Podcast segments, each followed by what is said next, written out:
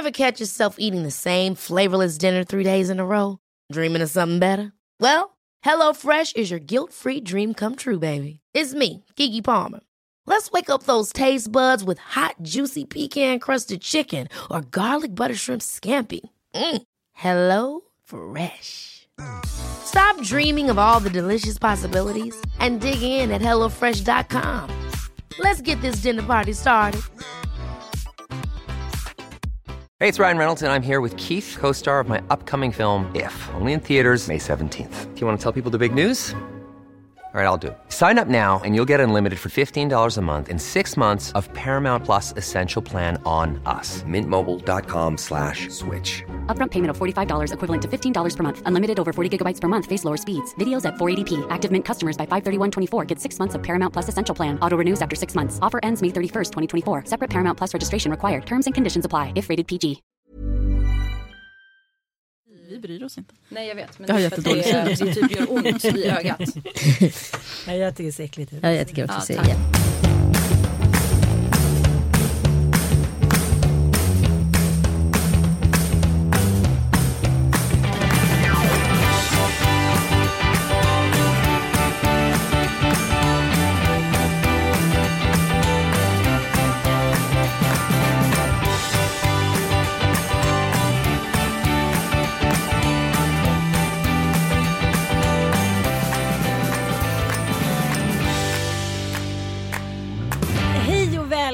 Välkomna till Lillelördag mash-appar med penntricket. Ehm, Det är lite galenskap här innan vi kommer igång. Eh, Cissi har fått en vagel i ögat. Vi tycker hon är äcklig. Nej det är inte en vagel, det är en monster. Jag kommer dö på riktigt. Ja. Det är en monsterinfektion. Vi sörjer henne nu i det här avsnittet. Men först en podd. Först en podd.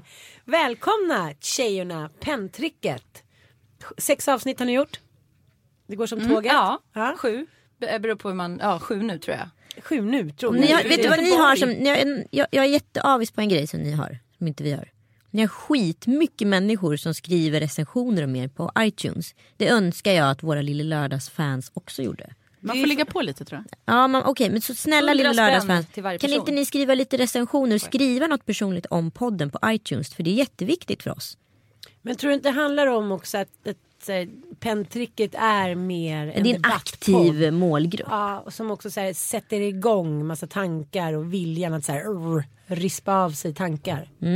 Alltså ni har ju inspirerat oss väldigt mycket måste jag säga. Jag har ju ringt eh, Anita framförallt inför att vi skulle göra podd. Och hur ska vi tänka och hur lång tid tog det innan Lilla Lördag blev superstor och sådär. Så att det är ju, eh, ni har krattat manegen kan man säga. Det tackar vi för. Det tackar vi och det för. bjuckar vi villigt på. Ja, Fakturan kommer. exakt. Jag känner, jag känner mig som Elon Musk. Eller vad säger jag? Elon Musk. Och Tesla, han gav bort patentet bara för att han visste att det skulle bli världen bättre. Det var så roligt. Jag träffade Fredrik Wikingsson häromdagen utanför eh, bageriet hemma hos mig. Och då hade han en Tesla. Det är klart han hade. Han har klart han har en Tesla. Eh, nej men då, då sa han så här, du vet ju han att jag liksom inte gillar bilar och fordon och så här men typ jag är typ kär i den här bilen och jag förstår honom. Det är Men jag är faktiskt- också kär i Tesla. Ja men alltså genialiskt. Genialiskt. Jag ska göra en liten moppe. Tesla-moppe. Natasha säger ingenting. Du har Ja, jag ingen vet ingenting om bilar men jag gillar Tesla, snubben alltså. Han gillar jag. Honom vill vi ligga med. Nej det vill vi inte. Men vi, vi, vi, vi, vi skulle vilja ha honom i en podd kanske. Men vad är män bra för annars då? Om man inte ligger med. Alltså. Eller de är ju inte bra att ligga med heller för de är inte så bra i sängen. Men... Oh, det var en så här, du gick hårt ut. Du gick hårt ut. Så där satt ribban. Kan vi inte stanna lite vid hur bra eller dåliga män faktiskt är i sängen? Du sa ju i en podd häromdagen att du är riktigt bra i sängen just nu. Ja. Är Det det, gjorde förlåt, jag. Då var jag full, påverkad, trött. Du gjorde ju det. Ja, ja. Men jag kan också definiera mig själv som en bra knullerska liksom. Alltså kanske inte exakt just nu, men när jag lägger manken till. Men saker som eh, saker som faktiskt kan förvirra mig lite är hur snusk och sex är en sån otrolig färskvara. När jag tittar på så här gamla sms, läs fyra år när jag var singel. Tycker jag så här, jag hade det. Det var lite liksom, det var snusk, det var liksom hög höjd på smsen. Det var lite bilder, det var hit och dit. Nu bara. Du har fem barn. Jag säger inte att man... eh, Jag hade tre barn då. Och Ja det är två, två mer nu. Än, Jo, jo, okej då, okej då, men, men okej. Här sitter jag och säger självklarheter. Det är min, det är min sån här, ska peta in jättetråkiga Du konstateranden. försvarar alltså mitt dåliga sexliv? Jag, jag har ett barn och tycker att det är lite knöligt ibland. När fan ska man ligga? För han sover ju typ aldrig. Nej, det, det, det är sant. Det är det de inte gör. Det är alltid någon liten väska. Välkommen till varannan vecka-livet. Det du rekommenderar, en skilsmässa. Nej, men det är faktiskt sant. Och man kan ju tycka att det låter så här, men fan lägg manken till lite. Gå ner liksom. Gå ner i tvättstugan, gå in i duschen. Men det är enklare sagt än gjort för att använda en gammal klyscha. Mm. Så frågan från Lille Lördag till penntricket här nu är alltså knull. Är man ett bra knull? Tycker man själv att man är ett bra knull? Och är killar inte väldigt mycket sämre knull än vad de själva tror? Ja, det tror jag. Natasha. Ja, alltså, men, har ni sett den här sketchen med, vad heter han, eller inte sketch men eh, vad heter han, Louis CK när han förklarar hur det är att ligga med män versus ligga med kvinnor. Att män, Ja, de, är ju så det. himla, de gillar ju sex, liksom, de älskar sex. Men det är för att de får ligga med en kvinna. Men vi tjejer, vi måste ju, alltså heterosexuella då, vi måste ju ligga med dem. Och jag, jag tror att vi kvinnor framförallt har, eller männen också, vi har så invaggats i någon slags tro av att jag satt här och skämtade, vad är de annars bra till? Höhö, Men de är ju inte så jävla bra till det heller. Alltså att vi lever i någon slags kultur där kvinnor lär sig att typ tända på att män tänder på oss. Och faktiskt är de egentligen ganska kassa i sängen. Alltså jag känner ju så kvinnor som har valt att bli lesbiska, alltså valt att bara utesluta män helt. Och de säger att shit, Ja, men de måste ha haft en sån jävla otur, förlåt. Men. Men vad fan, nu ska inte jag hänga ut männen som jag ligger med, men alltså ja, de är väl... Plural, är det flera? Eller? Nej, som jag har legat med. Men jag, alltså jag är ju inte heller ett sånt bra ligg, jag är ganska dåligt ligg, jättetråkigt och så. Men jag tänker att det är deras fel. Vad skönt att det är någon här inne med självinsikt. Ja men vad fan. Nej men jag, jag tror så här, jag tror att man är ett generellt då, jag har legat med både killar och tjejer, mest killar men några tjejer i mina wild young years. och Det har Ann med.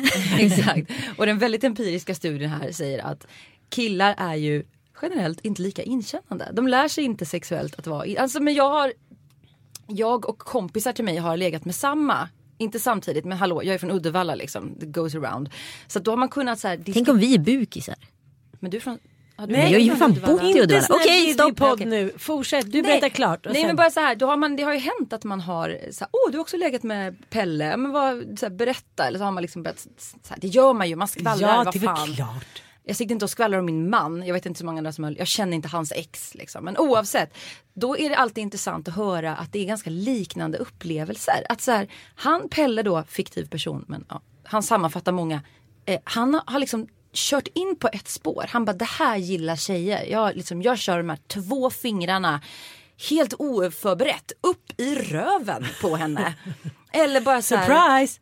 Ja, men alltså, och bara så här, "Du, det här gillar du väl? Bara, nej, nej, inte jättebra. Mm. Uttrycket det här gillar du väl? Det vet du ingenting om. Det ligger väl en väldigt ledande fråga. Exakt. Så. Men jag har kompisar som eh, berättar, och alltså jag, har inte så, jag har inte legat runt så jag har inte så mycket erfarenhet och så, men jag har kompisar som berättar om män de har legat med som har kört, ja, men kört sin grej, de kör sin grej liksom.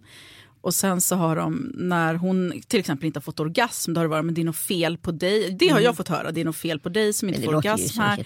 Eller så alla andra tjejer gillar det här. Det liksom finns inte i deras världsbild att det kanske är de som är jävligt kassa. Bara, Jag det är måste- fel på dig. Jag måste säga nu som relativt ny på en ny, en ny gammal marknad eh, att det är väldigt skillnad på att vara singel idag jä- jämfört med liksom åtta år sedan. Hur då? Nej men det har hänt någonting med snubbarna. Det kanske handlar om att Du har skaffat yngre snubbar. Jag har skaffat yngre snubbar. Eh, och de är jävligt mycket mer bjussiga sexuellt. Och deras liksom, grej är att göra det skönt för tjejen. Ja, men jag tror att det, det tror jag kan stämma lite. Nu tror jag att alla män är värdelösa i sängen ändå för att jag är som jag är. Men jag tror att våran generation män är... eh, De är väldigt mycket kukfokuserade och mycket fokuserade på Precis. deras egen Ja. liksom, sexualitet och egen orgasm. Liksom. Och sen så Precis. däremellan så är man någon typ av ja, eh, ja, för där är det ju så här att- Fälldocka. f- fälthora, höll jag på att säga. alltså, du vet en sån här termos med ja. Ja, guck. Ja men då tänkte jag så här om man skulle köra en klassisk gammal liksom eh, ja, troja. Att man skulle säga ja, vi stänger portarna. Ni får inte ligga med oss förrän ni liksom sluter fred. Fast istället ni får inte ligga med oss förrän ni börjar bli på riktigt intresserade av vår sexuella njutning. Då skulle jag tycka det var väldigt intressant att se hur snabbt det skulle gå innan männen så här började på riktigt intressera sig för våra kroppar, vår sexualitet, vår njutning. För jag tycker inte att de verkar superintresserade för tillfället. Jo men det tycker jag. Men är de verkligen intresserade av våran njutning eller, eller är de, handlar det om att de vill känna så här att de är så jävla bra i sängen. Nej men jag tror så här, ändå. jag tror, alltså det här är min tolkning utifrån mina små erfarenheter nu, att så här, de här nya generationen killar har fattat grejen. Men, du, hur gamla pratar vi nu? Ja, vi pratar lite yngre än mig. 20ish. Men Nej, men 90-ta- sluta. 90-80-talister? Ish. Ja, ish. Eh, att de har liksom så här, det här kanske låter helt skandalöst. Men att så här, det, det, som har det. skett med porren, som egentligen är jävligt negativt, har blivit en positiv grej för killar. För att de har förstått att så här, alltså halva grejen handlar om att jag blir kåt av att tjejen blir kåt. Att hon kommer och får orgasm, det tycker jag är jävligt tufft. Liksom. Men det är ju lite som välgörenhet. Det är så här, finns det altruism liksom? Ja, men vad är det för, men alltså, om, vi kan, om vi börjar kritisera till och med det, vad finns det kvar att kritisera då? Förlåt, då är, vi, då är, vi, då är det liksom ett nollsummespel. Om, så här, om vi till och med kan pissa på att killar tycker det är kul att göra skönt för tjejer. Men det här motsäger ju den senaste forskningen som eh, jag läste om förra veckan. Att så här, våldsporr och porr och det dagens ungdomar växer upp med eh, ligger alltid bakom ett våldsbrott. Våldtäkter, pedofili, bla bla bla. Men vad har det gjort historiskt? Alltså historiskt måste det ändå, alltså, det, kan man verkligen koppla det exakt? För jag menar de här brotten har ju funnits historiskt oavsett porr Nej, eller men, inte. nej, men det, den här professorn sa, det, hon som har forskat kring det här, att, att i typ 99 fall av 100 när de frågar vad det är som har triggat igång den här våldtäkten.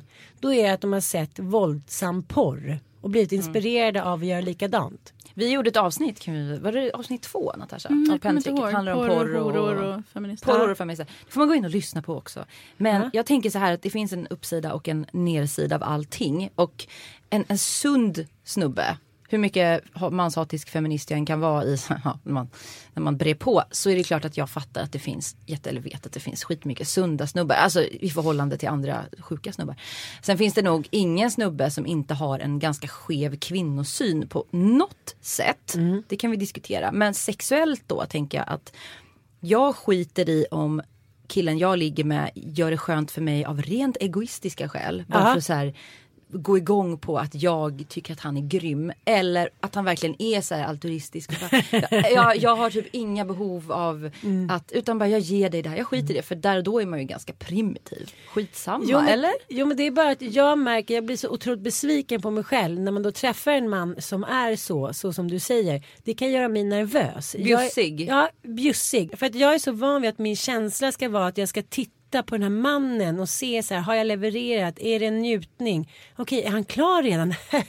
ojsan, ojsan, svejsan, ojsan. Ja, godnatt. Bara efteråt. Den är road Men har ni sett eh, Amy. Schumers Leather Special de pratar om? Ja. Det är ju helt briljant när, man, så här, när det ska vara det här ansiktssprutet som det byggs upp för.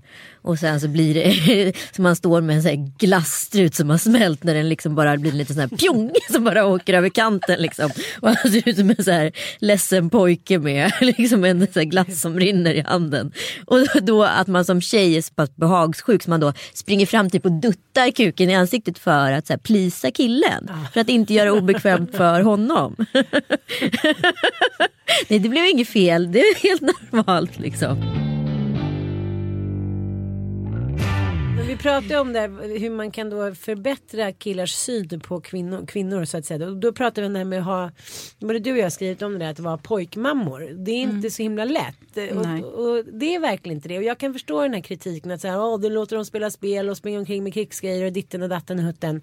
Men, men samtidigt så är det så här, att prata då med sina söner som jag försöker göra då om sex, om så här, du tänker på tjejen och hit och dit. Eh, det är ju någonting som man får här, göra 200 gånger innan de är så här, sluta. Men det är ju bara att göra det liksom. Jag tror att det- det är nyckeln till allting. Så här. Prata om Alltså pränta in det. Man kanske tänker så här, man kanske säger 200 gånger så här, kissa inte utanför toaletten, kissa inte, tvätta händerna. Såna här, ja vad ska man säga, vanliga uppväxtgrejer. Men, men det är samma sak med det här. Tjata om det bara tills det bara sitter där. Det minns man ju själv från barndomen. Man bara, men gud.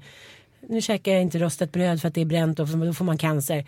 Förstår ni vad jag menar? Sådana grejer. Det sitter här i hjärnbalken. Det är väl samma sak med så hur man ska behandla varandra. Mm, Ja, min man pratade faktiskt om just de här frågorna när vi åkte, till, eh, när vi åkte hit, in till stan, för han ska ha lilla bebisen idag och sånt. Och att jag oroar mig. Jag har väldigt svårt att se Lilla mina... bebisen. Lilla bebisen. Stora bebisen. Jag har väldigt svårt att se mina söner som blivande män. För de är bara mina små pojkar, alltså mina små barn. Jag tänker inte ens på dem som pojkar eller flickor sådär, utan det är mina små barn. Men sen ibland så tänker jag på det att de ska ju bli män i framtiden. Och jag vet att vi lever i ett samhälle där liksom kvinnohat är ju kultur. Liksom.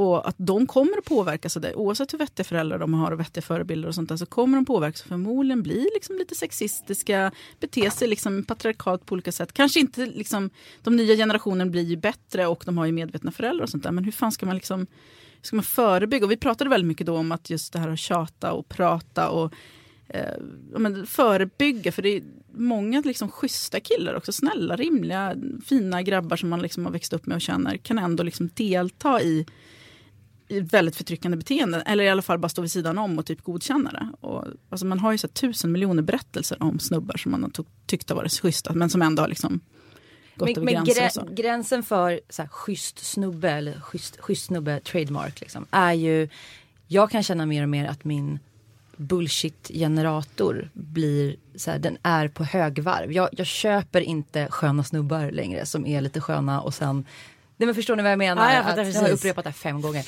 Men att jag, kö, alltså jag, jag har slutat och hela tiden kompen, försöka kompensera. Mm. Och sen är det så här, vi sitter här, eh, jag och Natasha och är så här, gifta, dessutom med varsin brorsa. Eh, så att, Jag gifte mig innan jag blev rabiat manshatare måste jag tillägga. vad hade du inte gift dig med en man annars? Jo, det, det kanske. Ja, du är så jävla Hycklare, klart du hade gjort. Men det, hade, alltså, det, är så här, det är svårt att hänga ut sin snubbe. Så jag har väl drillat min snubbe i mycket. Han var ju ingen dålig man innan men han var ju mm, betydligt mer clueless. Och vi hade ju så diskussioner där jag bara, men snälla. Han har till, nu hänger jag ut honom ändå, förlåt, eh, inte ändå tror jag. Men han sa ju till mig att när han var yngre, där får ni gärna kommentera vad ni, om ni har varit med om liknande. När han var typ 20-25 ish, då trodde han fortfarande på något sätt att tjejer inte liksom kunde vara lika kåta som killar. Wow, han märkte inte det då? Nej men han klart han visste att tjejer kunde vara kåta men han hade fått en sån stark föreställning om att det var så mycket så som bara handlar om att, nej men att man ska jaga och så ska tjejen inte att det är ett övergrepp att man gör någonting mot sin vilja men ni förstår vad jag menar, den här Ja, ja, gråzonen att det är alltid lite mer för killens skull. Han skäms ju över att han har tänkt så men han har ändå tänkt så. folklex, Jondalar. Ja men exakt. Och det, är så här, lite i grottan. Ja. och det var ju skönt att han insåg det innan han träffade mig. Men Kom men men är det bara jag som tycker att det, det finns en rädsla för för kåta kvinnor? Jag har hört flera kompisar, tjejkompisar som, har, som är liksom kåta och står för det. Där killarna har varit så här, jävlar vad du låter eller "Huh, vad du är liksom på det. gud det har jag också varit med om. Men jag läste en, eh, det var någon som skrev någon krönika eller någonting eller om det var diskussionsforum, det var jättelänge sedan så jag kommer inte ihåg exakt vad. Men det var eh, en tjej som hade legat med en kille och liksom, ja, de hade hållit på så här. Och så hade hon fört ner handen för att liksom, ja, men du vet, smeka sig själv. Och så hade han bara så här stannat upp och så bara, du ska vara glad att inte jag är muslimsk kille, typ som att jag, till, jag tillåter dig att göra det här. Typ. Ja, Jag vet inte vad han menar men det var liksom, hon kom ju av sig totalt. Nej men gud Och bara-. Men det, jag tror att det stämmer. Alltså för då helt plötsligt tog hon saken i egna händer. Hon tillfredsställde sig själv lite. Hon visade att hon var sexuellt intresserad. För det upplevde jag när jag började ligga med män. Att jag måste vara så här lite otillgänglig. Så här, nej, nej, nej oh, jag vill egentligen inte. Och så skulle han övertala mig. Och om jag visade minsta lilla att jag också faktiskt var kåt. Då tyckte jag att det kändes som att han kom av sig då. Att han var lite så äcklad på något vis. Och det, så har det varit med många killar som jag har träffat. Men det inte är min nuvarande. Det är den men- här jakten. Som och jag kan tycka jakten är nice när man har varit singel. och man Ibland kan det vara nice att bara gå fram till dem på krogen och säga ska vi knulla och så blir det så och så är det inte mer med det. Eller att det här att vi hörs, vi håller på fram och tillbaka och chattar. Och, men som tjej så finns det ju ett betydligt snävare utrymme att vara på. Ja, man ska tillåta sig bli, bli liksom fångad snarare. Men jag tycker att vi, om man nu skulle prata lite så här sexualhistoria utifrån liksom vårt perspektiv. Alltså den sexualitet eller den liksom normföreställning runt det här som jag är uppvuxen med. Det är liksom att man är ett objekt i princip och man har objektifierats. Och man ska inte släppa på sig, man ska inte vara för lösaktig, man ska inte vara si och man ska inte vara så. Samtidigt ska man vara kåt som fan och porrig som fan och en gudinna i sängen. och Oskuld också, Ja, helst oskuld också. Eh, och det är superkomplicerat liksom. Eh, och sen så sakteligen så har man väl liksom vuxit upp och börjat här, skapa sina egna värdegrunder i, i sex och vad man själv gillar och vad man själv vill få ut utav Knullrutiner. sex. Ja men knullrutin, det här tycker jag, det här går jag igång på, det här går jag inte igång på och så vidare. Och så är plötsligt man ganska trygg i den rollen. Och så är det liksom eh, ett, lever man i ett samhälle där det inte är så himla samspelt. Och så är plötsligt så upplevde jag det i alla fall som när jag träffade eh, en kille eller ett par killar ur en yngre generation. Att så här, oj helt plötsligt så är man på samma liksom, våglängd i det här. Fast de har kommit fram till det här på ett helt annat sätt än hur jag kommer fram till det här. Eh, och då först liksom blev det en match. Det är första gången jag upplever. Därför satt jag och sa påståendet jag tror att jag är ganska bra i sängen. Eh, utifrån de två perspektiven. Vi kommer från helt olika håll. Men de männen har ju också vuxit upp med så här ensamstående kvinnor, första generationen så här kvinnor som på riktigt är ute i arbetslivet, som på riktigt nyttjar dag, förlåt, på riktigt utnyttjar förskola till 100% och så vidare. Alltså det händer, det är det jag menar, du har en hel, jättebra poäng där Ann. Tillbaka till rostbrödet och, och liksom fäll ner toalocket typ. Att så här, ju mer det nötas ju mer naturligt blir det. Mm. Jag tror att det är, så här, det, det är en förflyttning som har skett men eh, Men jag tror att man, man, ska, man ska försöka lära sina pojkar att det finns ett kärl av liksom kåthet och kärlek och det, som vi alla liksom får under de bästa av omständigheter. Och sen så liksom använder man det lite när det passar eller när det funkar. Eh, inte så här att killar är jättekåta och vill bara knulla och tjejer är så här nej jag vill inte, de säger nej hitan och ditan. För jag pratade med en kille som eh, har varit väldigt mycket på Tinder nu och han sa det, det, det finns ju två kategorier av människor på Tinder, alltså vad de utger sig för att vara.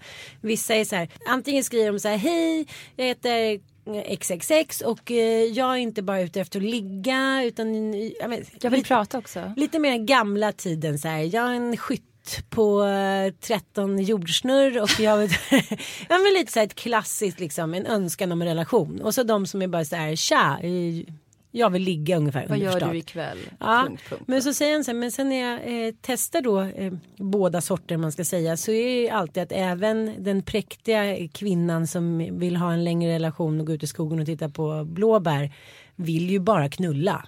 Sen när man varit ute på krogen och tagit ett glas och kommer hem. Ja, så jag tror Men tror inte, ja, men för att bara peta in, tror, tror inte ni att det också laddas eh, generellt så här att om man är en sexuellt fri kvinna, gud det går inte att säga vad fan är det, men eh, man har kommit så långt att man kan gå ut på krogen, tittar jag på Anita, jag vet inte varför. Kan gå ut på krogen och bara haffa någon och säga vi ska knulla, eller det måste ju finnas ett samtycke, men ni fattar. Att den typen av kvinnor skrämmer ju generellt många snubbar för Absolut. att det också läggs så mycket så här, jaha, det här hora och madonna. Nej men när jag, det var ju liksom tio år sedan nu, men när jag var ute och var singel och gjorde så ibland. Haffade någon och bara vi ska knulla. Eller att det gick väldigt fort från att man har liksom lärt känna varandra tills man ligger.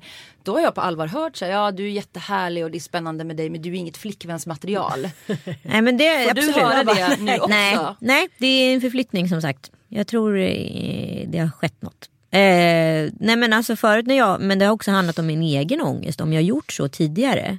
Då har jag också haft så här skam dagen efter. Att jag säger fan vad jag känner mig så här äcklig. En äcklig brud som håller på på det här sättet. Idag har jag ingen ångest Nu kör du ingen walk of shame. Nej det är ingen walk of pride. Ja men alltså mer så här bara hihi. Vad, kul du, jag hade. eh, Natasha? Just det här om, om att man lägger men att en, att en kåt kvinna, tjej skrämmer. Men jag kan tänka också att det handlar lite om prestationsångest från männen. För att helt plötsligt kommer en kvinna som är kåt, som vill knulla och som kanske har knullat med andra tidigare och kanske då förväntar sig att den här mannen ska leverera någonting. Eh, och det som jag konstaterade här i början, det, männen kan ju inte leverera.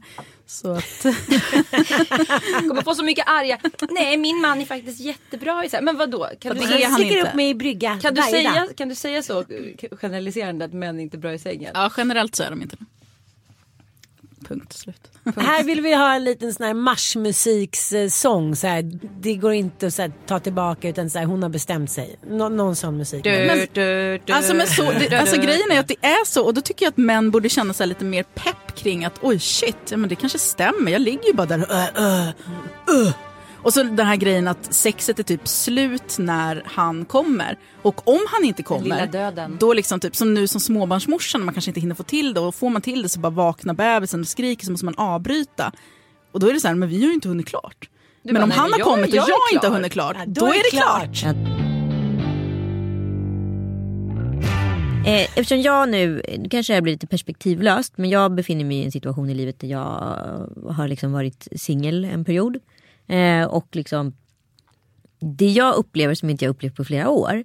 Det är liksom den här rivaliteten och fiendeskapet kvinnor emellan när man då typ slåss eller vad jag ska säga är intresserad av samma gemål. Att jag ser att så här, jag har varit lite intresserad av en kille Ja, och då går jag in och kollar vilka han följer och vilka som följer honom. Aha, så ser jag att de här tjejerna har ju dykt upp liksom ungefär samtidigt som mig i hans följarlista. Aha, går jag in och spanar in deras instakonton wow. och kollar på deras instastories. Så ser jag helt plötsligt att de är inne och kollar på mina instastories och så vidare. Och det här liksom så här, och man bara så vill veta allt om den här bruden, den här maniska galenheten. Jag har inte känt den liksom på tio år, eh, eller i alla fall åtta. Och man bara, det är så sjukt sjukt. Och den här kvinnliga liksom, rivaliteten upplever jag nästan så starkare just i de här fallen än den männen har emellan. Natasha? Ja, jag vet inte, jag, jag väntar tills någon annan säger något innan jag vet vad jag ska säga. Men jag, jag tänker att så här, jag går inte i... Nej, ja, jag tänker du pratar. Alltså jag är likadan, alltså jag blir så manisk. Jag är, nu har jag varit i en relation i tio år men jag kommer ihåg hur det var innan och hade det funnits sociala medier på den tiden. Då hade jag, alltså jag har ju så här mad stalking skills. Alltså jag är grym på att ta reda på saker och så här, ja, hitta, hitta grejer. Och Nej men och grejen är det där är förgörande för en själv. Man ja, skapar ju liksom så här fantasimonster som så här, och målar upp bilder som är så här, ja, jag vet inte alls vad det är liksom. Mm. Det äter ju upp en totalt. Ja. Men jag, jag och en tjejkompis eh, var på en resa ihop. Vi var ju typ 22 men ändå. Vi var i Köpenhamn tror jag på någon så här partyresa och så träffade vi ett killgäng, alla var singlar. Och en av de här killarna som var, äh, men idag i retroperspektiv, så här, sån jävla rådouche så att han hade inte ens förtjänat liksom ett ögonblick. Men vi tyckte han var skitball. Och han playade ju ut oss mot varandra hela den här kvällen. För de har ju lärt, de, nu generaliserar jag men det gör vi generellt. Eh, de har ju lärt sig liksom hur man ska göra också. Det kan vara på mer subtila sätt och det kan vara helt tydligt. Så, här. så han mindfuckade oss fuckade oss hela kvällen. Det var lite så här, pratade lite med henne, bekräftade henne. Sen gick hon på toa, då kom han till mig. Så skulle hon se när hon kom tillbaks hur han satt vid mig. Och vi var svinbra kompisar men det slutade med att vi i stort sett nästan började slåss, jag och hon. Och vi stod, för de bodde på samma vandrarhem som vi gjorde. Så vi stod i den här vandrarhemskorridoren och jag och hon stod och liksom nästan började catfightas. Och han och hans kompisar stod liksom längre bort och bara gottade sig. Men det, det här är... att ingen gjorde, han, ingen, det blev ingenting. Men vi var så jävla efteråt, dagen efter när vi hade nyktrat till. Bara, fan vad var det som hände? Han var inte ens, vad höll vi på med? Förstår ni? Har ni ja, nej, nej, men, alltså, Det är det här som är essensen av det jag vill komma till. Att det här så kallade systerskapet det liksom ställs helt åt sidan när, liksom reptil, ja, när reptilhjärnan går igång och du liksom ska ha någon till varje pris. Då finns det liksom inga regler. Hur fan ska man förhålla sig till det här? Men det där har vi pratat om ganska mycket om hur eh, vi är manstillvända. Eh, att, till, att vi till och med liksom säljer ut varandra eller att vi hugger varandra i ryggen för, när det kommer en man. För annars tycker jag systerskapet är grymt. Kvinnor är jättegrymma på att stötta varandra, stå upp för varandra och sådär.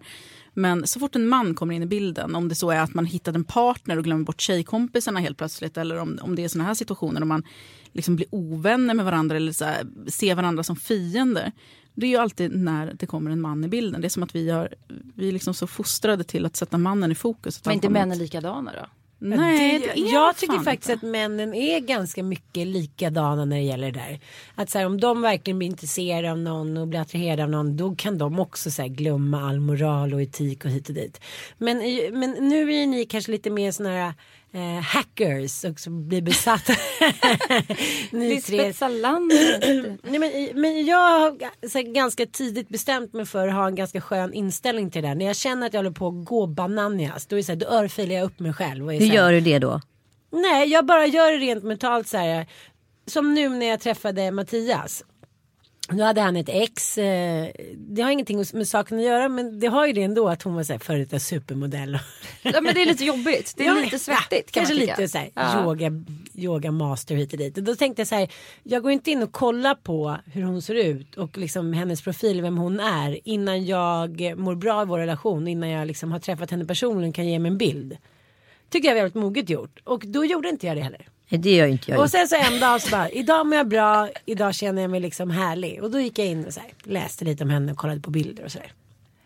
Men Anita, vad är det liksom du... eh, Du skäms för Nej, men att jag du inte kan skäms ju. kontrollera reptilhjärnan. Nej, men, det är det det handlar nej, om. men grejen är så här, jag hörde, jag hörde faktiskt på en fest, var ni på en fest i helgen och då sa någon något otroligt vettigt och liksom i alla fall det så här It made sense, i alla fall för mig just i det här tillståndet. Man, man, man blir aldrig äldre än 28, sen blir man bara liksom, sen får man bara mer timmar liksom, i kroppen. Och jag bara såhär, åh gud tack det är därför jag är liksom lika patetisk som jag var när jag var 28. jag är 40 Jag bara, ja! Men Men det finns något i det. Jo jag vet men det finns ju också en väldigt bra liknelse i eh, Sapiens. Mm. Eh, när författaren berättar om ett, så här, en apa som kommer till ett träd med fikon eller dadlar fan det. Och det är bara så här hen är hungrig som fan. Det är, bara så här, det är bara dignar av de här goda, göttiga, saftiga frukterna. Inte fan så här, ringer han till polaren och säger så här. Tjena daddelträdet är här nu, jag väntar på er. Utan han är ju bara så Det är väl så här, Jag, jag kan relatera till den här liknelsen så jävla hårt. Speciellt när det gäller mat och eh, ringa polaren. jag blir Nej. sur när min unge äter upp min, min mat. Jag, han, liksom, jag är såhär, det här är mitt... Är du en sån som ger bort schysstaste biten till dina barn eller är det den som sparar dig själv? Jag tar bästa men- biten. Men, alltså, Men barnen är ju tacksamma ändå. Nej men ta den här istället. Det är jag. Jag kan verkligen ta. Om vi käkar oxfilé, vilket mina barn vill ha på fredagar, som de får en gång var tredje år. Eller om det, jag ger alltid de gött, äh, göttigaste bitarna till barnen. Alltså jag är Så Ann är, Ann är på något sätt den god, du, du är liksom den... Varannan vecka-liv. Nej men du sitter också här och säger så här, jag har lagt band på mig själv, jag har örfilat mig själv. Men Det det, finns ingen större men hycklare än Ann Söderlund heller. Nej, Ja, men men, fast just den Bra grejen vet bra du ändå att jag är lite så faktiskt. ja, jag vet. Just, i, den de- just i de grejerna är du så. Men, resten är hycklare. men resten Men är kan en det inte vara så här att vi, jag och Natasha kommer ju nästan alltid tillbaka i penntricket till så här, vi försöker prata om liksom, ja men varför och hur och hur om man tänker att kvinnor är mer riv- rivalitetiska, hur fan säger Rivaliserande. rivaliserande mot varandra än män. Vad beror det på? Det kan ju inte vara, liksom så, det kan inte vara så här en genetisk eh, hormonell grej utan det måste ju bero på något mer. Och då är det så här, ja är det att vi tittar på all liksom, litteratur, all populärkultur som riktas till tjejer framförallt. Det är ju alltid eh, tjejrivalerna som ska ha prinsen. Det är ju liksom, vi indoktrinerar, sen har man ju ett intellekt också men vi är ändå så indoktrinerade att det här är så det ska gå till. Så att Ja, jag, hade jag varit singel hade jag garanterat suttit och varit likadan. Jag har ju för fan, jag har dejtat snubbar också, suttit och Fast du, du, har Jämfört. Ju, nej, men du har ju fel där. Ta till exempel så här om vi fyra hade bott i ett harem eller vi hade bott i Aten liksom. Ja men pre vår tid. Där man var instängd. Alltså per definition var man fan instängd. Någon gång fick man gå ut på någon begravning och blev utslängd. Sen var man instängd med slavar, barn och andra kvinnor. Man visste så här när man blev ful, när man blev gammal och man inte kunde leverera. Då åkte man ut. Likadant i ett harem. Då åkte man också ut. Varför skulle det inte finnas i våra gener att vi är rivaler med varandra? Ja, men jag tror inte att det, är just, att det är just kvinnor som är det i så fall. Nej, men jag tror att det handlar, som Cissi säger, om det här med prinsen. Att vi är kvinnor, vi fostras och det har, så har det pågått i tusentals år. Att det finns en bra man där, han är vår prins. Och vi ska, så kan man ju också här vid den här mon, liksom monogami normen också att vi ska liksom hålla oss till en person. Men det, det är prinsen, där kommer han, han vill vi ha och så är det andra som är kär i. Det finns ingen annan. Liksom. Ja, ja men han är inget att hänga i julgran men det är han. Medan män har liksom en mer en sån här liten buffé av kvinnor. Att, ja, okej men hon vill inte ha mig men då tar jag henne istället. Ja men det där funkar inte, då tar jag den där. Nej, men för det, fast grejen är det här är så jävla spännande för att det här, jag har ju verkligen analyserat det här beteendet hos mig själv. För det primala tänket som liksom uppstår är ju galenskap. Det är absolut galenskap. Men också så här idén om att alla vill ha just den här snubben. Förstår ni? Alltså, Han så här, blir uppad alltså, utan så här, att kräva det. Vadå, du tänker, du ja, men jag det? tror, går omkring just i min liksom absoluta vanföreställning. Sen kan jag ju liksom snap out of it. Om jag hade varit 20 någonting så kanske inte den vanföreställningen skulle försvinna överhuvudtaget. Men nu är jag så pass gammal i alla fall så att jag så här förstår att så här, oh, men du, håller på, du är tokig i tre minuter. Det kommer gå över liksom. Alla vill ju inte ha den här snubben. Utan det är liksom just nu jag som på att alla vill ha den snubben. Men det tänket är så cementerat i oss. Och jag förstår varför kvinnor mellan så här 20 och 30 eller 20 och 35 till och med agerar på ett visst sätt. För att det är det som är fortplantning. Det är det som gör att så här, jag ska ha hans sädig genetik i det här tror jag. På riktigt, jag kan inte släppa det. Har ni Ja, kollat? ni, svar. det har ju gått både eh, Bachelor och Bachelorette. Har Mm. det varit Bachelorette i i Sverige. Eller det är väl när det är, precis, det är en kvinna så är det liksom ett, ett gäng. Ja, men de blir alltid polare, ska ju aldrig göra den versionen. Nej men det jag menar om man tittar på de bara sociala experimenten. Att när det är tje- Bachelor, när det är en kille som alltid är någon jävla medioker mellanchef, skittråkig. Jag har aldrig fattat så hypen kring de här Bachelor-killarna. Man bara helt aptråkig. Och så är det ett gäng så här skitsnygga, så här alldeles för snygga för honom om man får säga så. Eh, härliga, några idioter också, men bra tjejer som så här det Går igång så hårt på honom. Ja, och De det kan blir, dö det blir en sån honom, typ. jakt. Men så såg jag i julas så var jag hemma hos mina, våra då, mina och Natashas svärföräldrar. Vi har samma. Du var inte där då för du, skitsamma. Men vi satt och kollade på tv och då var det Bachelor, det upplösningen av svenska Bachelor. Och de följer tydligen det här. Så vi började också titta och då Jag älskar Bachelor. Ja, men det blev också lite fast. Men det som slog mig då som var lite fint, det var att det var någon uppföljning, så här, hur gick det sen? För han den där svenska, som jag inte kommer ihåg namnet på, valde ju någon av de här tjejerna till slut. Men han hade varit en sånt jävla asshole. Han hade spelat ut folk mot varandra och sådär. Hela poängen. Men, så att många av de här tjejerna som blev kvar, så att säga, de gick ju ihop i någon slags systerskap. Och stöttade varandra. Och satt och rökte och grät och pratade skit om den här killen. Och i och för sig pratade skit om den här tjejen som han hade valt då. Men ändå, jag bara så här, fan det kanske finns för då, liksom, vi pratade också om det i penntricket, att när det, väl, när det väl är skit, då finns kvinnor där för varandra mycket mer än män. Men det måste bli så jävla skitigt och det är det som jag tycker är så tråkigt. För det, måste, det som händer i samhället är att män behöver liksom inte vässa sina skills så himla mycket. För det finns alltid en hord av kvinnor som ändå vill ha dem. Som tycker så här, gud vad bra med pappaledig i två veckor så här. För fan hon På ska for the rest ändå. of my life. Och så här, innan vi omprogrammerar oss, att de liksom får den här härligheten. Vi måste ju alltid vara så sjukt mycket bättre. Nu, jag vet att det skrivs och klyschor hit och dit. Men vi måste det på alla sätt. Vi måste vara bättre på att knulla, jobba, föda barn och liksom allting. För att så här, överens liksom ta oss upp till ytan till männens nivå. Men samtidigt så är det ju inte deras fel. För Men de lever ju i tron av att de är så här the shit. Jo men vi har ju så jävla låga krav på dem också. Ja, Alltså, det, ja. Men det var ju Nikolaj Tesla sa ju det liksom. Ja, att, alltså det är så här, och min man är så jävla, jag brukar, nu är jag en manshatare då, då så jag är ju ändå ganska, har Så jag ändå ganska, min man. Så precis, nej men det gör jag ju inte. Men alltså, jag, jag brukar tänka att han är en rimlig man. Men jag är fortfarande ganska, jag ser ju hans fel som jag inte tänker hänga ut här såklart. Och han ser ju dem också ganska bra. Efter liksom 15 år snart med en rabiat manshatare så får man ju några insikter till slut om sig själv. Eh, Så det finns hopp där ute ladies. Men eh, liksom jag, vissa saker tänker man ju så här, åh han är så, man märker så, men han han liksom slår ju mig inte som mitt ex gjorde. Och han är ju, alltså vi har sådana låga förväntningar på männen och det märker jag hos, hos liksom tjejkompisar också. Bara, men han är så himla snäll mot mig. Han tjatar inte till sig sex. Eh, Han, eh, ja, men han brukar inte kalla mig för fula saker. Alltså man har verkligen, det är liksom vår nivå. Vi är så nöjda om en man beter sig som en rimlig vanlig jävla medmänniska. Då måste tycker vi att han är bara wow. Och så slänga in en sån här en, en liten en fråga helt Passus. enkelt. En passus. Ja. Har ni också er, det behöver inte vara närmsta kretsen men i kretsen någonstans. I alla fall ett par där snubben är Nej men sen när man är tillsammans i konstellationer, det kan vara fest, det kan vara att man åkt på en resa ihop, det kan vara på ett dop, what- whatever.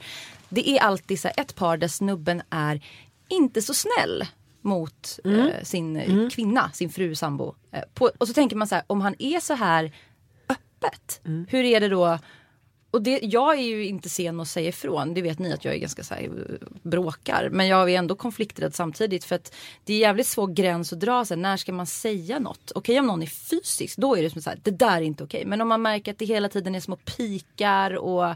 Fast det där kan jag ju se tvärtom också. Jag, jag skulle nog säga till och med att jag upplever att det varit vanligare att kvinnor gör så mot män. Men tror att de har Ja, lika jag håller mycket. med dig Anita. Jag håller med dig. Åh Det är klart att- stickas. Jo men jag tänker att det, det, absolut, men på den nivån att det är, när vi pratade om maktobalans förut, att de här killarna som gör så här har ju ofta mer makt. Att det är inte lika lätt för den tjejen att dra. För de sitter liksom på pengarna, det är de som äger bostadsrätten, det är de som har, alltså en kille som är med en tjej som är dum har ju ofta lättare att sticka. Rent materiellt. Jag skulle säga så här, alltså nu beror det på vilken, så här, var man befinner sig eller vilken, vilken ort i Stockholm i alla fall man bor i. Men jag har ju sett många eh, situationer uppe på Östermalm där det liksom, ja han sitter på pengarna. But she's got the pussy. Och liksom så här, är det så att eh, han fular sig med, mot henne och liksom är, håller henne med för mycket liksom, strypkoppel. Då går hon direkt ut och börjar ragga. Liksom. Okej, så er upplevelse wow. är att det är ganska, det är ganska lika It evens out, jämställt? skulle jag. Ja, jag tycker också det. Och jag är så stenhård mot min eh, nuvarande man. Just för att man kanske har varit i relationer där det är så här pikats och pikats, så här gliringar och tryckts till och man säger oj då. Ah, ja, jag är på lite dåligt humör liksom.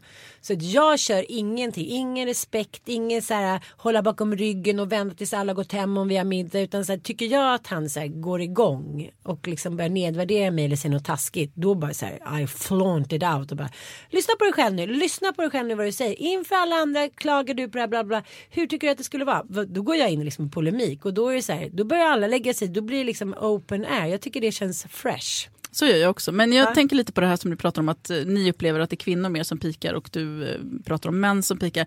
Jag upplever att kvinnor generellt är mer så här klagar på saker som egentligen inte behöver klagas på. Typ så här att nu, man, män gör alltid fel. Ah. Det ska alltid så här påpekas att det där var fel och det där var fel och det där var konstigt. blablabla. Så att kvinnor pikar har- på det har ju sättet hela tiden. på sig Ja, ja men precis, sådana Aha, pikar. Medan jag upplever att när män pikar, då är det det här man känner någon slags obehagsvibbar. Att det är så här typ När man stänger dörren så Ja, smäller det. Precis. Ja, Men där vill jag också lägga till att min man, eller mitt ex var sådär. Han kunde liksom, eller det var små, små liksom subtila grejer han kunde göra. Det var väldigt, sällan folk plockade upp det. Men när de gjorde det och typ sa någonting, det var ju ödesdigert för mig. För att då när vi vart ensamma, då var det ju mitt fel att de andra hade märkt att han var liksom dum. Så att jag tror inte att man ska säga någonting alls i de situationerna heller. För det är hon som får stå till svar sen när man kommer hem. Så är det absolut. Mm. Så är det. Men jag tycker vi ska backa bandet lite här för vi var inne på någonting och det handlade ju lite om eh, kvinnlig vänskap och sådär. Och jag Ann, Vänskap. Vänskap från Dalarna. kvinnlig vänskap, förlåt. Vänskap. Vi har Vänskap. Nu trackade vi dig Ja, alltså. det är okej. Jag är van. Du, eh, vad jag skulle säga? Jag och Ann har ju rykt ihop eh, ett par gånger under podden och då har vi flauntit out här och berättat hur de ihoprykningarna har sett ut. I exempelvis en sms-feed så har vi liksom läst upp våra bråk-sms och så vidare. Ni har haft en jättekonflikt. Mm. Hur hittar ni tillbaka till varandra och varför blev ni arga? Varför vi blev arga? Jag vill inte prata om eh, själva konflikten för att den är så himla privat och smutsig och liksom eh, saker hände. Ja, det var ingen som låg med någons man. säga. Det var, Nej, inga, men det var inget sånt. Det var saker som hände liksom som eh, vi blev arga. Men vi, jag tror att vi hittade tillbaka till varandra just för att vi är familjemedlemmar. Alltså vi, vi har samma familj, vi är gift med två stycken män som är bröder med varandra. Och jag kände i alla fall, jag kan bara prata för mig själv, men när Cissi fick barn jag fick ju någonstans liksom komma till att oh, han kommer inte dumpa henne, jag kommer inte bli av med den här jävla subban. eh, men I love it, I love it. Ja, nej, men jag, fick, jag insåg ju det ett, ett, liksom efter ett tag. Men sen så också när de fick barn, då vart jag, jag älskar ju bebisar också så jag vart ju, satt ju där och grät och bara, "Åh, det är en bebis! Liksom. Du får tyvärr inte träffa bebisen. Jo men de kom, det Jag var väldigt Cissi. fint. De kom hem till oss och det var en av första gången vi sågs på väldigt länge. eh, När Vi pratade var, fortfarande inte riktigt med varandra, man Pratade om varandra. Ja, men du skulle fortsätta prata, jag ska prata också. Ja du ska prata klart. Jag bara Ja, ja, nej men eh, då kände jag liksom att det här är liksom en liten bebis som har kommit hit och nu är Cissi mamma till den här lilla bebisen och det är mina barns kusin. Och då kände jag att nu, jag, det kändes också som att allting bara rann av en, all den här Ja. liksom ilskan och, och bara hatet bara inte spelade någon roll längre. Och då kände jag att nej men nu får det vara nog, nu, nu kör vi på det här Men tycker inte ni att det där är väldigt fascinerande? Allt det där ilskan och hatet som ni pratar om, det som man kan bygga upp under många år. Och sen så händer någonting, ett ögonblick, någon föds eller man så träffas på någon födelsedag och man ser alla de här människorna med sina fel och brister.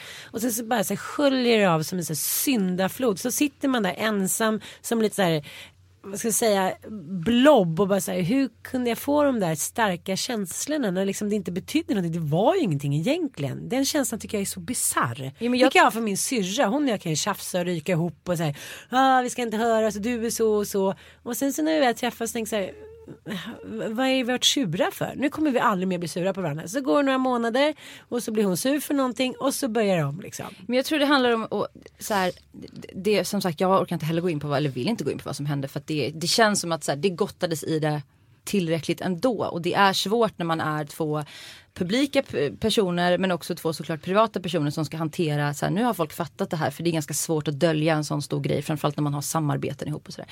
Men det positiva som kom ur det var att både jag och Natasha har ganska dåligt minne. Eh, vi har båda så ADHD. Eh, vi har väldigt lätt till, nu pratar jag för dig också, sorry. Men vi har, stark, liksom, vi har lätt till starka känslor men vi har nog också lätt till förlåtelse. Vi har olika liksom, vad ska jag säga, eh, alla konflikter är dränerande men alla konflikter behöver inte bara vara av ondo. Om ni förstår vad jag menar. Ja men jag fattar men jag får ändå känslan av så här, om man har varit otrogen mot någon eller vice versa. Och så, så kanske man märker det, man kanske läser någon mail eller någonting och det känns som någon drar ner brallorna på en och bara så örfilar upp en inför hela Sveriges befolkning och sen skrattar, bajsar och så bara drar mm. i gyttjan. Och sen ska man hitta tillbaka till det där. Man kan hitta tillbaka till någonting väldigt fint och djupare och mer respektfullt. Man är så här livrädd för att hamna där igen. Ungefär som när man första gången får en panikångestattack. Nu har jag haft det på riktigt en gång bara. Liksom under en dag några gånger. Och den fysiska utmattningen som jag fick efter den här panikångestattacken. Jag är så rädd för att hamna där igen. Alltså, så här, det, är som, det var som att kastas in i helvetes käft. Så, att jag, jag så här, tassar hela tiden. så här, Okej nu börjar det. Oh, nu, ja, jag måste hålla koll på den. Kan ni jämföra så här, den, er vänskap med att ni liksom är mer rädda om den men att den aldrig kommer bli så oskuldsfull som den en gång var? Så jag analyserar inte så mycket. Det är säkert min ADHD eller någonting. Eh, För jag måste liksom skriva listor på så här, vad har Cissi gjort. Varför hatar jag henne? Ja, precis. Så måste jag gå igenom den med mellan, nu har inte jag gått igenom den då på två, tre år. Men, Jag har inte kvar Ja. så att, alltså jag, jag har dåligt minne och jag är ganska, man kan tro att jag är långsint eftersom att jag var sur på Cissi så länge. Men det var ju som att jag fick ju påminna mig själv om att vara sur. Jag släpper saker ganska mycket och jag liksom har lätt för att ha en fresh start. Det betyder inte att jag liksom glömmer bort helt eller liksom kommer att begå samma misstag igen utan det är så, jag lär ju mig av det som har hänt. Och så här, ja, men okej. Ja, Men känner ni inte att ni ja. växer utav det? Jag kan ju uppleva Jo. så här, efter vi hade vårt superbråk där för ett år sedan typ. Vadå pratar inte ni på ett tag då? Eller? Två dagar.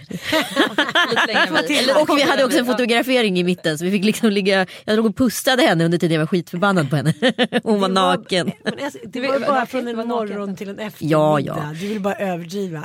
Ja okej, men då, då var jag ändå så här, jag hade ändå en, så här, en dag där jag fortfarande var i liksom, vad ska jag kalla det för, i någon typ av kölvatten utav ilska. Liksom. Och sen så rann det där av och då man, känner man ju liksom på något konstigt sätt att ändå vår relation har fördjupats. De bilderna är också klockrena. Vi älskar varandra så mycket. Kärlek, poddbild det är är tagna under vår värsta konflikt.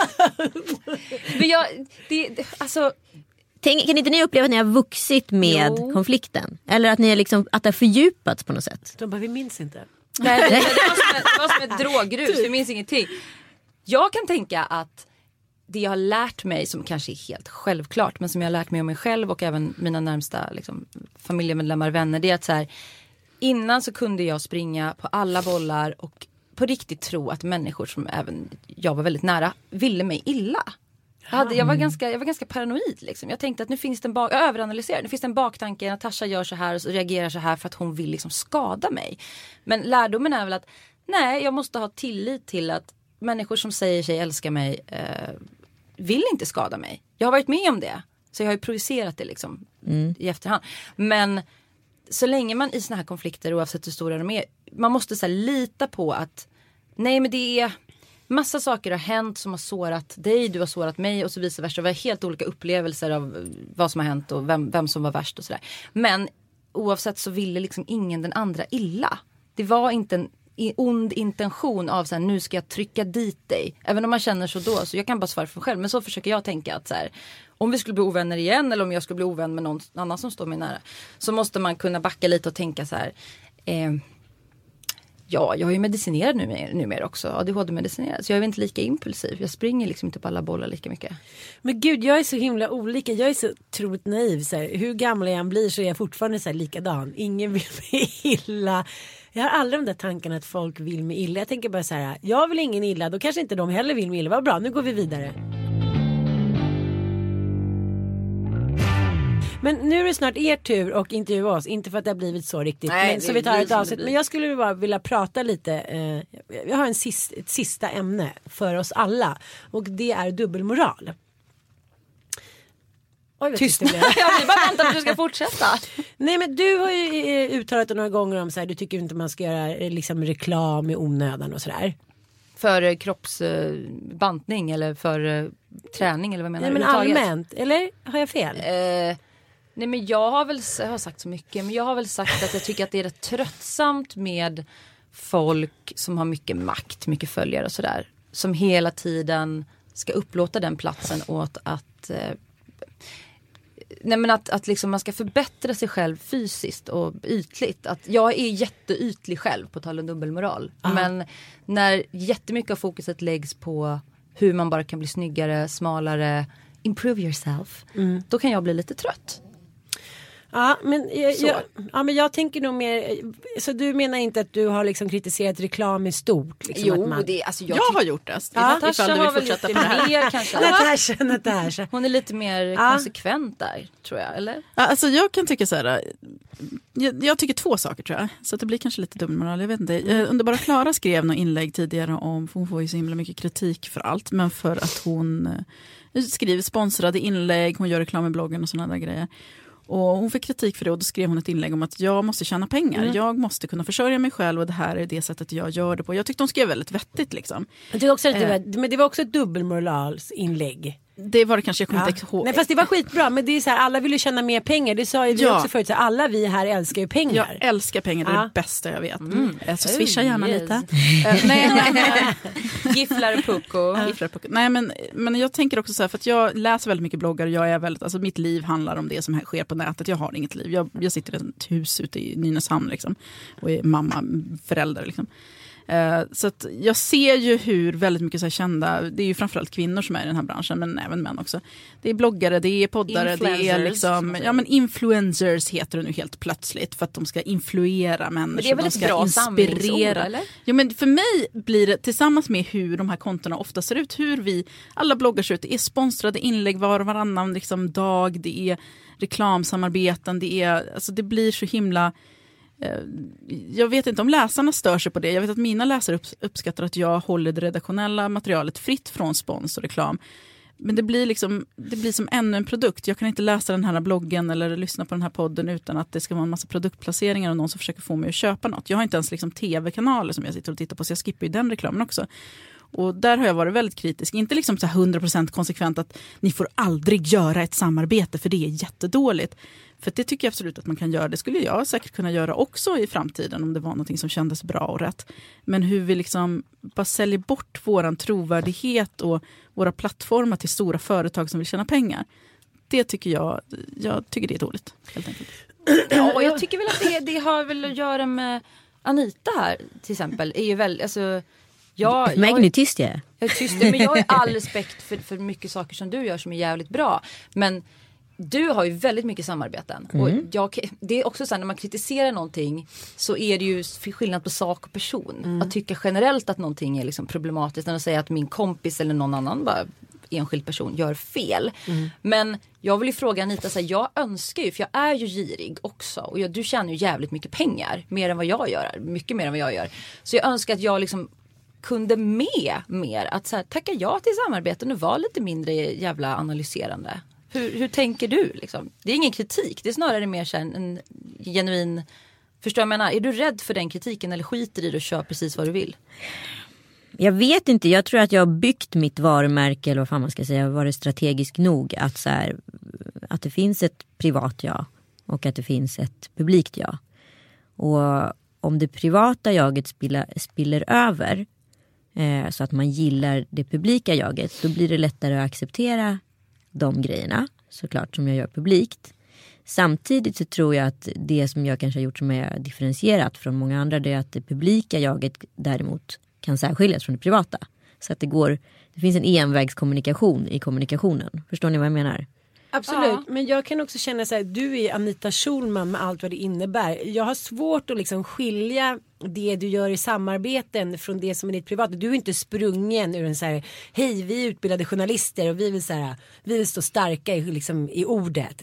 Det, det tar inte du hänsyn till och därför tycker inte jag att man kan döma dig. Du har ju liksom gjort ett namn på också samarbetena. Du är sprungen ur en helt annan folla tycker jag. Det är en sak om man, det, jag tycker det är svinsvårt med trovärdighet. Vad är trovärdighet? Och folk har ju så, framförallt när det är kvinnor som gör saker. Där, där är rakt upp och ner så här, det här tjänar jag pengar på. Eh, då finns Ja, alltså, alltså jag, tror, jag tror det kanske är det som också har varit så här. Ja, men jag gör samarbeten med massa varumärken. Men det är ju så här grejer som dels nummer ett jag kan stå för. Nummer två så tycker jag att så här, ja. Is it something in there for me? Då ska det också vara det för de som så här, köper produkten. Det ska inte vara så att jag så här, säljer löshår för jag är ju världens tjockaste hår. Alltså det vore ett jättekonstigt samarbete för mig. Jag tackar ju nej till jättemycket grejer och försöker så här vara selektiv och göra bra skit liksom. Men kan du se på dig själv, för jag har varit lite där och nosat och vet inte hur jag ska ställa mig till det. Kan du se på dig själv Anita som att du är en konsumentvägledare också? För du testar ju mycket, allt ifrån ja, men så här, hud, vad heter det, behandling, Soljeband. skönhetsbehandlingar till inredningsgrejer till olika tjänster. till så här. Och du skriver, jag har ju sett att du också har skrivit ganska, nej, men du kan vara väldigt, eh, du är inte bara hyllande utan du kan vara granskande också. Sen är det svårt om man får Du betalt. är en liten SVT plus. Nej men kan man, kan man göra det så att man mer vrider det till att så här, jag är konsumentvägledare, influencer, än att bara säga jag är jätteköpt hela tiden. Ja men det tycker jag. Liksom så här, om de som samarbetar med mig och ska samarbeta med mig och jag samarbetar med. De, alltså all, all tonalitet som läggs, som jag kommunicerar med min målgrupp som jag har byggt upp. Som är mina följare. Det måste ju liksom kommunicera mitt språk. Ska jag bara vara liksom ett ansikte för någon annans språk då kommer det aldrig funka. Det kommer dels inte mina följare tycka att det är trovärdigt eller tro på produkten. Nummer två så kommer det bli skit för varumärket och så vidare. Så, så här, all samarbete som jag gör det måste liksom finnas en inramning som är eh, personan Anita Schulman. Så du tycker att Nutrilett är det? Det tycker jag absolut nu. För att de filmerna som jag har gjort för dem är så sjukt kul och det är så mycket självdistans och ironi i det så att man kommer fatta. Men jag tänkte, ni är båda sponsrade av samma hårföretag och det skrev ju du om och fick så här mycket skit för. Så att Ja, det så här, ja, precis. så att det är ändå liksom, jag ska säga så här, vi säger båda så här, mycket vill ha mer. Man kan säga så här, åh vadå? Fick de det där sponsring? Gud vad dåligt, gud vad slaskigt. Sen så bara samma samtal, man bara okej, okay, men säg inte till någon. Jag tycker att det finns otrolig dubbelmoral i det här. Och ja, I vad? I- Ja men i att man så här, när man inte själv har fått erbjudande om att gå på the prom som the prom queen. Då tycker man att hon är så ytlig och ful och bla bla bla och det är så orättvist. Men sen när man själv får bli the prom queen. Då tackar man ja med hull och hår. Det handlar ju om att man blir smickrad på något sätt. Och att mycket vill ha mer. Alltså jag, jag har ju inte sagt någonting om att till exempel Anita inte ska få hårspons. Det var mer att det finns en, jag vill inte ens ge den här människan reklam. Det finns en vidrig blogg som bevakar andra bloggar. Eh, som har gått jävligt mycket över gränsen tycker jag. Det är jättebra att hon belyser när vissa influencers inte tar sitt ansvar, inte skriver ut samarbeten. Men hon har liksom det blir lite personliga vendettor för, honom, för henne. Så att hon hotade väl i stort sett mig eh, med att liksom, nu, ska jag, nu ska jag bussa alla mina jättemånga följare på att anmäla det till reklamombudsmannen. Och eh, för att jag då råkade lägga ut några inlägg där jag inte var jättetydlig med att det var ett hårspons. Eh, och då ringde jag Anita i lite panik och bara ah, vad ska jag göra? Och du bara dra inte in mig i det här. Jag bara nej men de har redan frågat om dig, vad fan ska jag göra?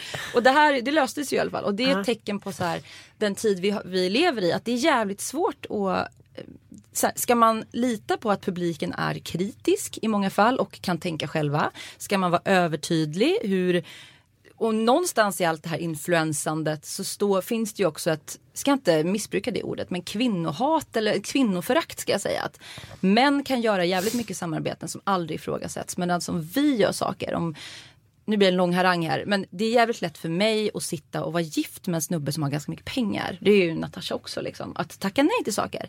Anita är ensamstående morsa. Jag säger inte att du eh, går Nej men det är baconpengar. Liksom. Ja men Vad fan ska jag göra, liksom? Det är jävligt, jävligt lätt för mig att sitta på höga hästar och säga jag skulle aldrig. För att jag har, alltså du har inte det. Du, är, du, du försörjer liksom dig själv och två barn. Vem fan är jag att döma Det är dig? därför man inte ska döma enskilda kvinnor. Man kan prata om sakfrågan. Men man kan, Lång fan inte, liksom, jag- man kan ja, inte peka några fingrar till enskilda morsor eller el- enskilda kvinnor. Liksom, för att vi gör det vi kan för att överleva. Sen är ju, vi är ju alla horor mer eller mindre. Och kanske liksom, det är ju göttigt att få lite hårfärg gratis och sådana där grejer. Och det kan man ju kanske prata om. Men som sagt Anita hon behöver överleva också. Och Underbara Klara hon skrev ju det här inlägget just för att det här är mitt jobb. Och, eh, Så att det är ju väldigt dubbelt för mig. Jag vet ju vad jag står och jag lever ganska mycket som jag lär i den frågan. Jag har ju möjligheten att göra det också. Eh, Men jag körde ju en annan fuling istället. Jag bad mina följare att swisha istället. Som Joakim Lamotte gör. Han får typ ingen kritik för det. Han får ingen Lite kritik för grann, det. men Han jag får fick, också åka ganska ofta. Jo men det är ju inte för att han får swishpengar utan det är för att han är en jäkla... mm, För Ja. att han står och säger saker. Som Men- men, Fick eh, du svar på din Ja, fråga men jag, på något jag, sätt? jag fick svar men jag, jag tänker så här att alla vi fyra är väldigt bra på att synas, höras i media, tycka till och liksom Ja men så här, man vill ha ryggen fri på något sätt. Men jag tyckte att det var så otrolig skillnad. Just det du sa. Ni är liksom gifta med varsin man som har mycket deg. Jag tror att det är en otroligt mycket större trygghet än vad ni kanske vet. För att när eh, min mamma gick bort i cancer då hade jag alltid liksom, det var ju mycket yngre. Men jag bara jämförde den känslan som blev så brutal då. Att jag var så här, det är jag, jag vill klippa mig jävla nya kläder. Jag är i USA, jag har rymt, nej, nej, nej. Som en jävla bebis. Alltså det menar inte jag att ni är. Men jag var, jag var verkligen det. Och sen så dog hon, absolut inte knall och fall. Men helt plötsligt så var min livlina så här, helt avskuren. Pappa krökade, min syrra levde sitt eget liv. Jag var bara så här, ett irrbloss i Stockholm. Du hade inga pengar helt enkelt? Nej, som försökte överleva. Jo, det hade jag väl. Jag jobbade, jag var ju chefredaktör hit och dit. Men det fanns ingen livlina. Nej. Var jag än kollade så stod bara jag där så här, i olika demoniska outfits.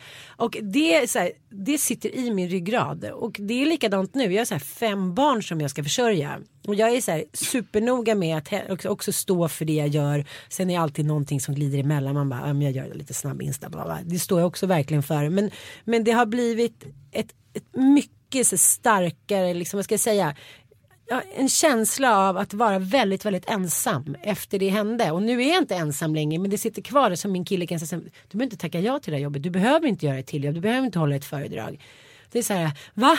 Det är som att så här, vargarna är mina hasor och så här, försöker äta upp mina barn hela tiden och då är man inte lika kaxig liksom. Man bara så här fuck off money på banken. Och då undrar jag så här, tänker ni ofta på det så här, fan vad skönt, jag kan vara så här. För ni är liksom väldigt, väldigt liksom starka och ni är väldigt feministiska. Men om ni inte hade era snubbar, skulle ni vara lika feministiska då tror ni?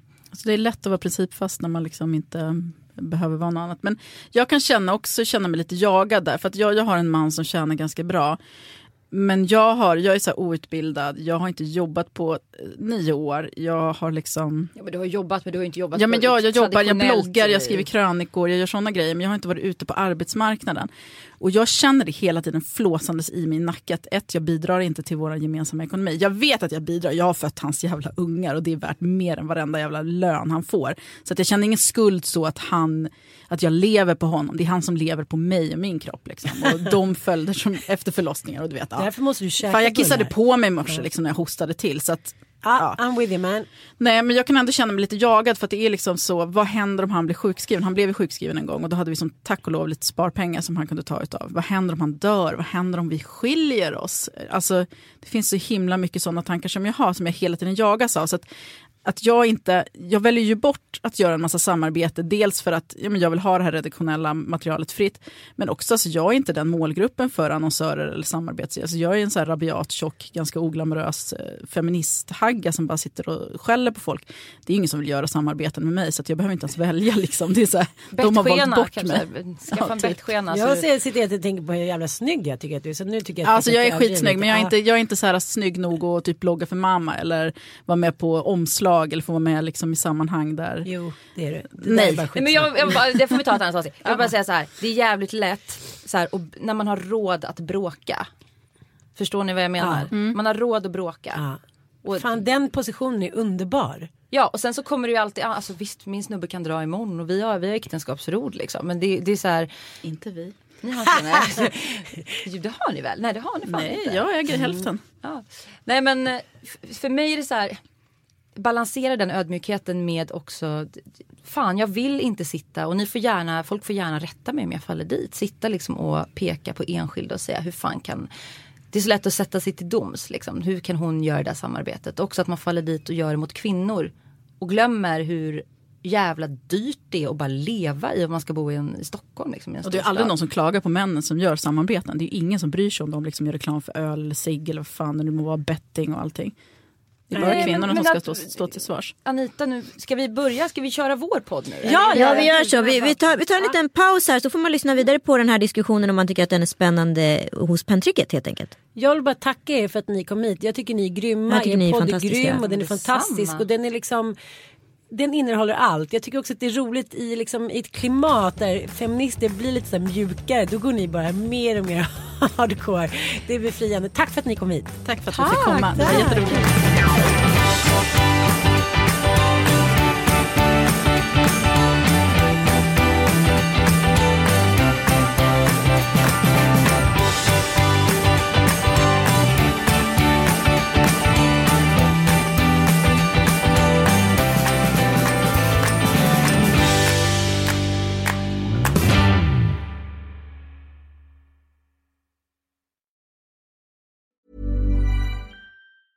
Ever catch yourself eating the same flavorless dinner three days in a row?